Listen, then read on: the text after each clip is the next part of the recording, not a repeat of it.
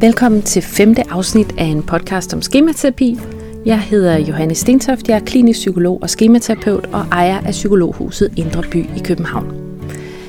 Det her afsnit det handler om grænser. Det handler om, hvad grænser, hvad sunde grænser er, og også om, hvilke skemaer man kan have, der kan gøre det udfordrende for en at sætte grænser.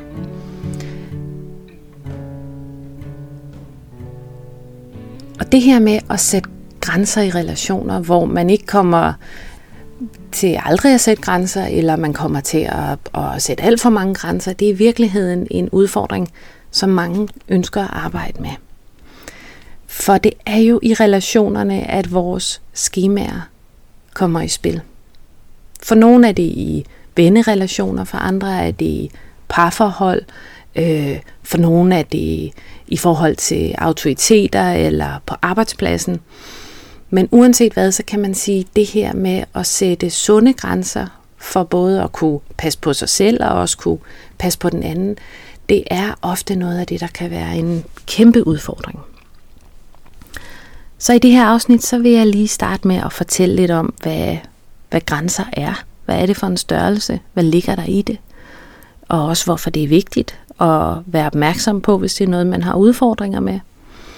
Og så vil jeg fortælle lidt om, hvad det er for nogle skemaer, der kan gøre, at det igen og igen kan være svært for en.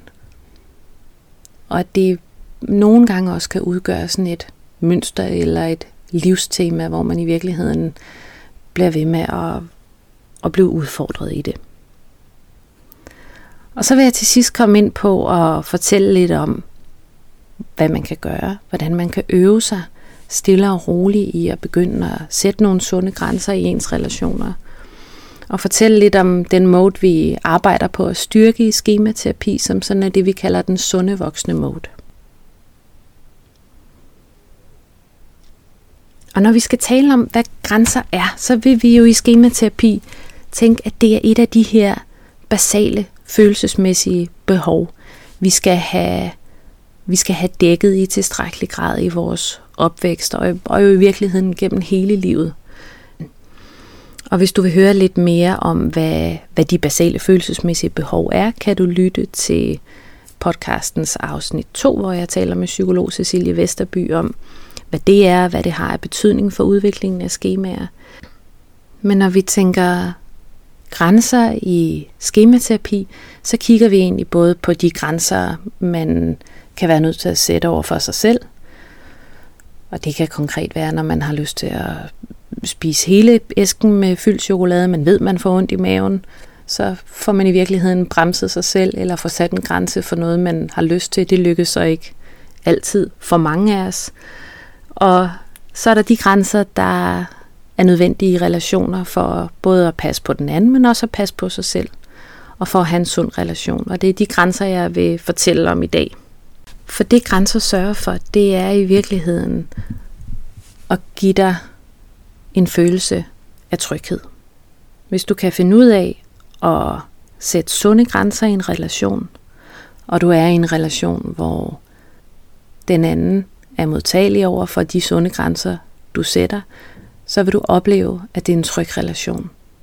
Hvor du trives, hvor du har det godt, hvor I kan være uenige, I kan måske have konflikter, men der er den her basale, grundlæggende tryghed i relationen.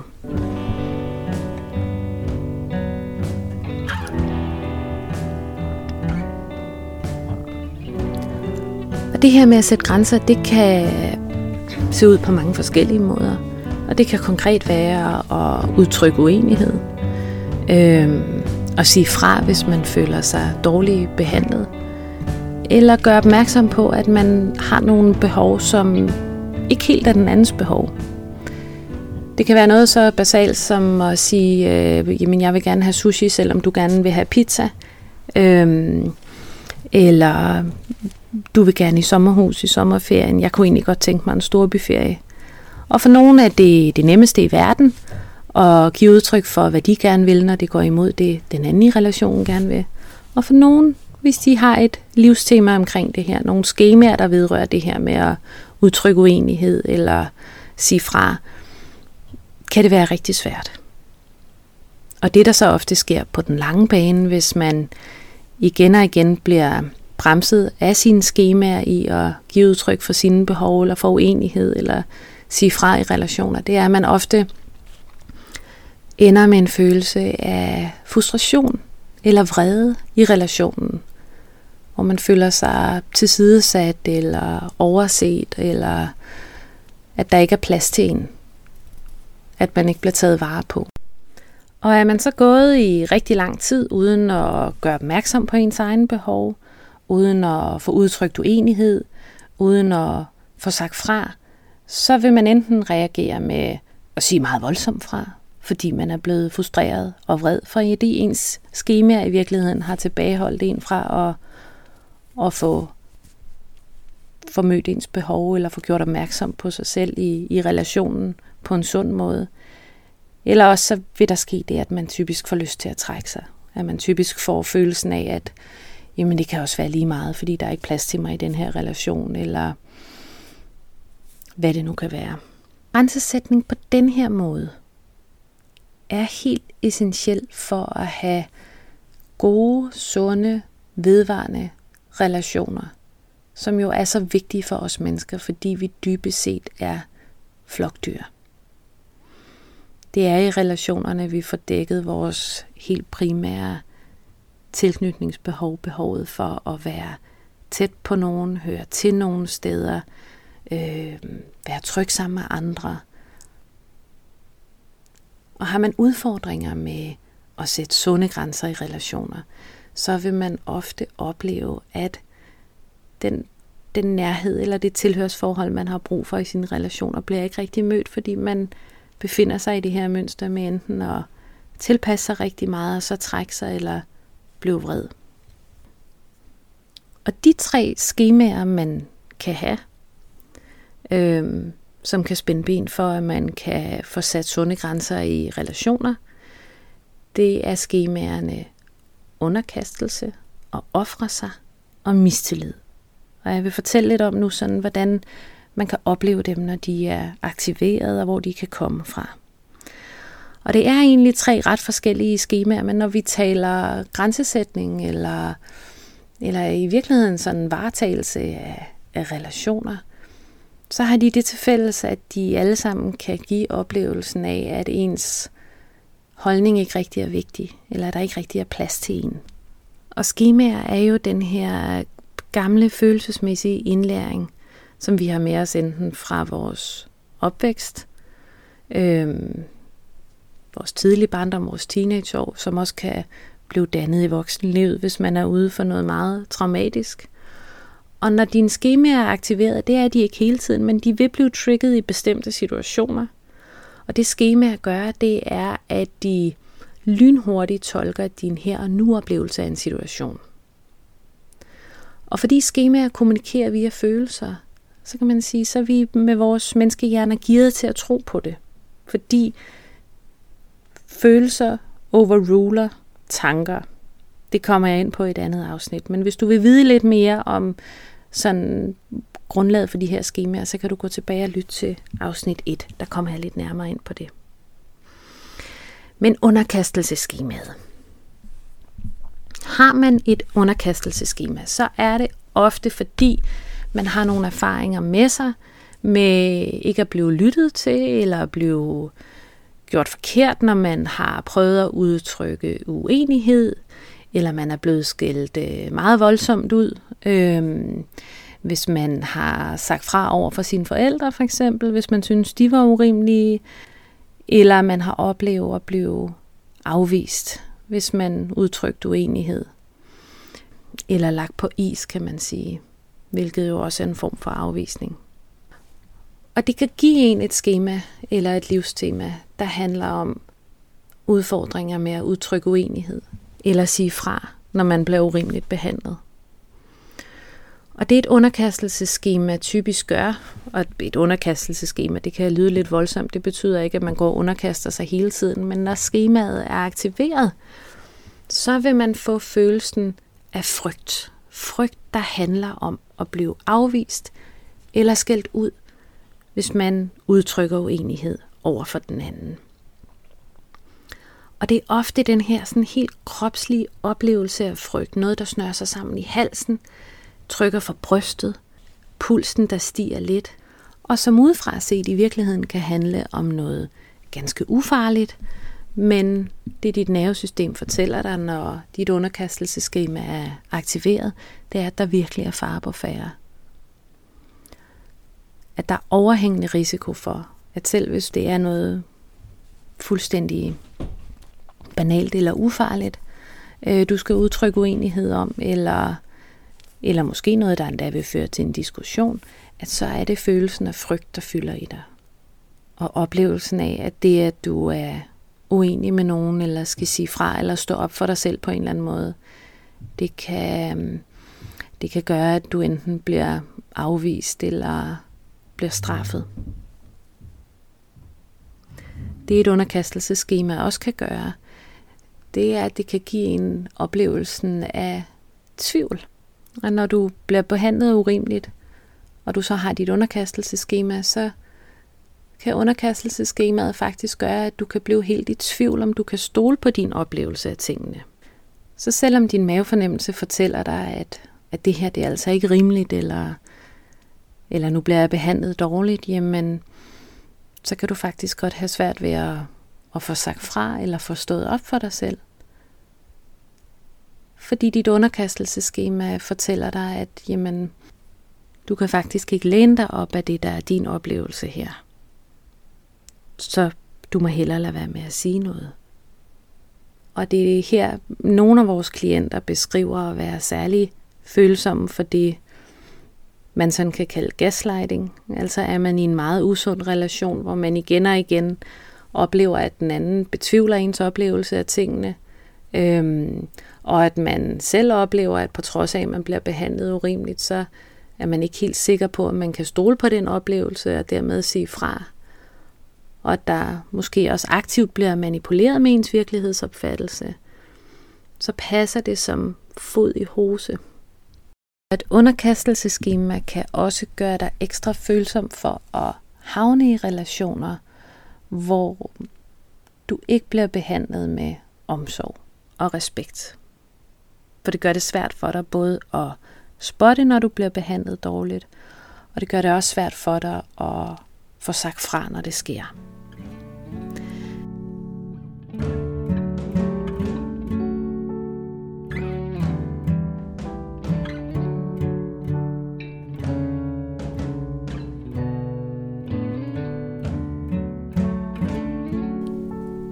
Det man kan sige med underkastelseskemaet, det er, at selv hvis man har det, og det er aktivt i nogle relationer, så får man for det meste nok på et tidspunkt. Og det, der så sker, er, at man typisk mærker vrede og forurettelse, og i virkeligheden reagerer modsat. Og hvor man så kan få sagt meget kraftigt fra. Så er der ofre sig skemaet.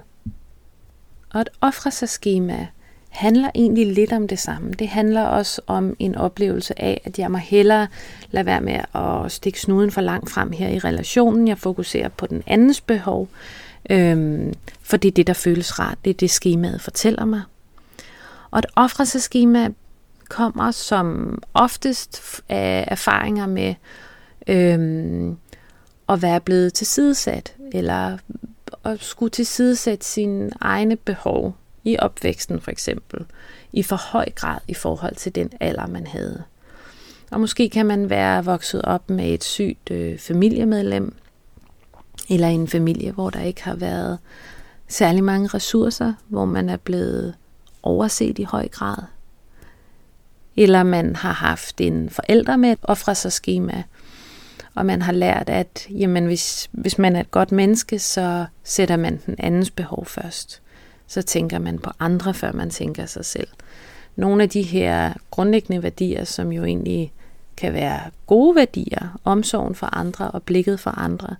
Men som alle andre skemaer, så giver ofre sig skemaet en fuldstændig skæv og forvrænget oplevelse af, at man egentlig slet ikke har nogen behov og en oplevelse af at være et dårligt eller utaknemmelig menneske, eller en konkret følelse af skyld eller dårlig samvittighed, hvis man skal gøre opmærksom på sine egne behov i en situation. Og derfor så kan et offrelseskema gøre, at man ofte havner i sådan ret ulige eller asymmetriske relationer. I relationer, hvor man fuldstændig frivilligt, sådan føles det jo. Det føles jo naturligt, når ens schema er aktiveret og handle efter dem. Men havner i relationer, hvor man skal tage sig af andre. Hvor man skal tilsidesætte sig selv. Hvor man kommer til at give for meget. Og hvor det ikke er oplevelsen af, at nu, øh, nu går jeg lige på kompromis, fordi nu var det min tur til at, at give lidt. Nu har jeg fået noget af min partner et stykke tid. Nu, nu imødekommer jeg den anden, og, og så tager jeg mig af mine behov senere men, men hvor det er følelsen af faktisk måske slet ikke at have nogen behov, hvor man slet ikke kan mærke, hvad man vil. For det, man er tunet helt ind på, er den andens behov. Og ligesom med underkastelseskemaet, så har det ofte den konsekvens, når man har været i en relation, hvor ens offrelseskema har fyldt rigtig længe, at man på et tidspunkt kan blive rigtig frustreret eller irriteret på den anden. For på et eller andet tidspunkt, så vil ens egne behov begynde at presse sig på.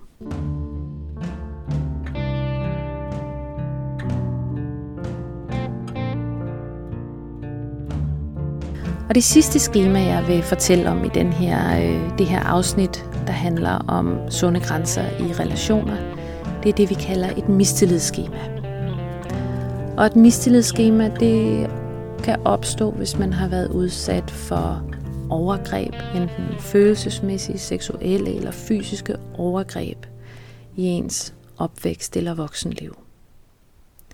Og det et mistillidsskema gør, det er i virkeligheden, at man kan have rigtig svært ved at finde tillid i relationer. Et mistillidsskema gør, at man ofte har en følelse af at være på vagt over for andre, og dermed have svært ved at rigtig føle sig tryg i relationer. Og et mistillidsskema gør også, at man vil være meget hurtig til at reagere, eller meget følsom over for tegn på, at andre mennesker opfører sig upålideligt. Og et mistillidsskema kan gøre, at man, når man, når man er i det, aktiveret i det her skema, og skemaet er jo er jo en virkelighedsopfattelse, så vil man nogle gange være meget hurtig til at sige fra. For mistillidsskemaet får informeret om, at andre mennesker er grundlæggende upålidelige eller vil en det dårligt.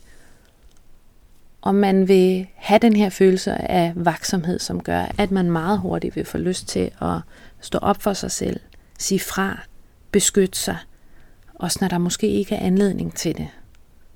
Også når der måske ikke er tale om et overgreb eller grænseoverskridende adfærd fra andre, men en eller anden grad af forventelig eller, eller menneskelig upålidelighed.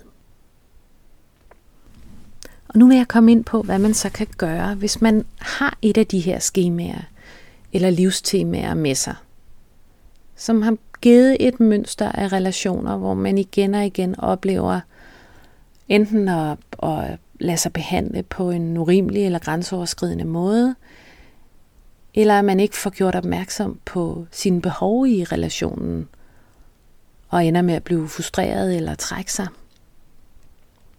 Så er noget af det, vi arbejder med i skematerapi, er at få styrket den mode, vi kalder den sunde voksen. Og en sund voksen, jamen det er den side er, som møder vores behov. I det her tilfælde er det jo behovet for sunde grænser. Øhm, på en afbalanceret måde. På en god måde. Som kan hjælpe os med at se realistisk på tilværelsen. Og se omsorgsfuldt på os selv. Og en sund voksen side kan også hjælpe os med at møde de krav, der er i et voksenliv, med, med realistiske forventninger. Og også hjælpe os til at nyde ting, og indgå i sunde relationer, og også hjælpe os, når livet er svært. Så man kan sige, det, det er sådan den sunde voksen, vi gerne vil have, øh, træder i stedet for de coping-mønstre, vi har talt om i tidligere afsnit. Og det vi træner i skematerapi, det er egentlig at få den sunde voksenside til at stå op for dig, når det er relevant. Så hvor mistillidsskemaet kan få dig til at stå op for dig selv for meget, og ofre sig underkastelseskemaet kan få dig til at stå for lidt op for dig selv, så prøver vi at finde balancen i både at kunne vurdere, hvornår det er relevant, kunne øve dig i at stå op for dig selv i relationer, og få nogle erfaringer med, at det er trygt og sikkert at være i en ligeværdig relation, hvor der også er plads til dig. Og så er spørgsmålet jo, hvad en relevant grænse overhovedet er. Og der er man ofte nødt til at lave det, man kan kalde et faktatjek. Og her er det sådan, at jo sværere man har ved at sætte grænser, jo stærkere ens schema er på det her område, jo vigtigere er det, at du i en konkret situation, hvor du skal øve dig i at sætte grænser, sige fra, gøre opmærksom på dine behov, stå op for dig selv, for forberedt dig. For det er en svær situation, det er en kritisk situation at sige fra, når der ikke har været mulighed for det tidligt i dit liv, og det måske har været forbundet med konflikter eller afvisning. Og det er her, vi i terapien konkret bruger rollespil, hvor vi både træner, jamen, hvordan kan man sige det, hvilke følelser vækker det, og hvordan kan man så håndtere dem og komme igennem situationen og komme igennem med budskabet alligevel på en god måde. Og når du forbereder dig på en situation, hvor du skal sætte grænser, hvor du skal sige fra, hvor du måske skal gøre opmærksom på, at du har nogle behov i, som den anden ikke har fået øje på af den ene eller den anden grund, så er det godt at vide, hvad det specifikt er, der gør, at du ikke har gjort det indtil nu. Hvad er det, du er bange for? Er du bange for at gøre den anden ked af det? Er du bange for at få skæld ud? Er du bange for at få følelsen af at være for meget, være irriterende, fylde for meget? Prøv at blive opmærksom på det, uden at skulle handle på det, eller skulle dømme dig selv for det, men, men prøv at blive opmærksom på det og få en forståelse for, hvorfor lige det her vækker følelser hos dig. Og når du så får øje på dit schema, eller får øje på, hvad det er, der gør det her svært for dig, så prøv at se, om du kan berolige den side af dig selv, der mærker frygt. Tag en dyb vejrtrækning. Mind dig selv om, at der ikke er fare på færre. Det er noget, dine følelser fortæller dig. Og selv hvis den anden er uenig i det, du siger. Og husk så dig selv på, at når du handler imod dit schema, når du for eksempel handler imod dit underkastelseskema, så vil følelserne komme. Du er altså nødt til at håndtere frygt i en situation, hvor du skal sige fra, og dit underkastelseskema er aktiveret. Så det er vigtigt, at du finder al den opbakning og støtte og nænsomhed frem, som du vil vise et barn, der skulle gøre noget, som barnet ville synes var meget udfordrende eller var bange for, men alligevel var en god ting at gøre. Og det samme med mistillidsskemaet. Hvis du skal bremse dig selv i og få sagt for hurtigt fra, eller være for meget på vagt, så stop op.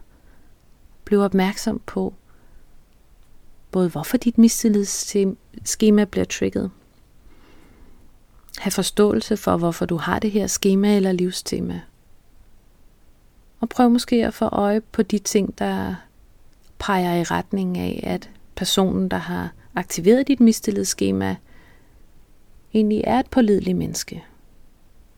Eller ved dig det bedste. Og lav det her faktatjek.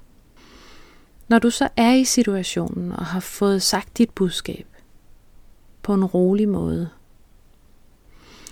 så husk at give plads til den andens reaktion. For lige så lidt som du kan styre din egen følelse, lige så lidt kan du styre den andens reaktion på det, du siger. Og husk samtidig at holde fokus på, trods af din egen følelsesmæssige reaktion og den andens reaktion, og vær opmærksom på dig selv.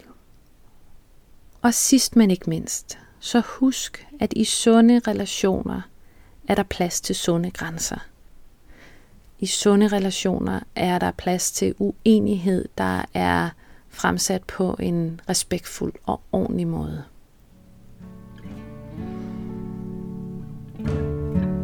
Det var afsnittet om grænser og skematerapi.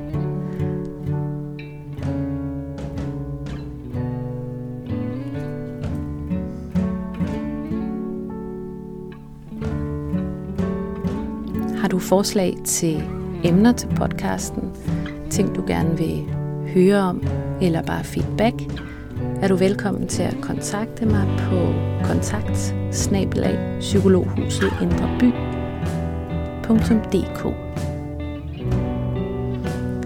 Jeg hedder Johanne Stentoft.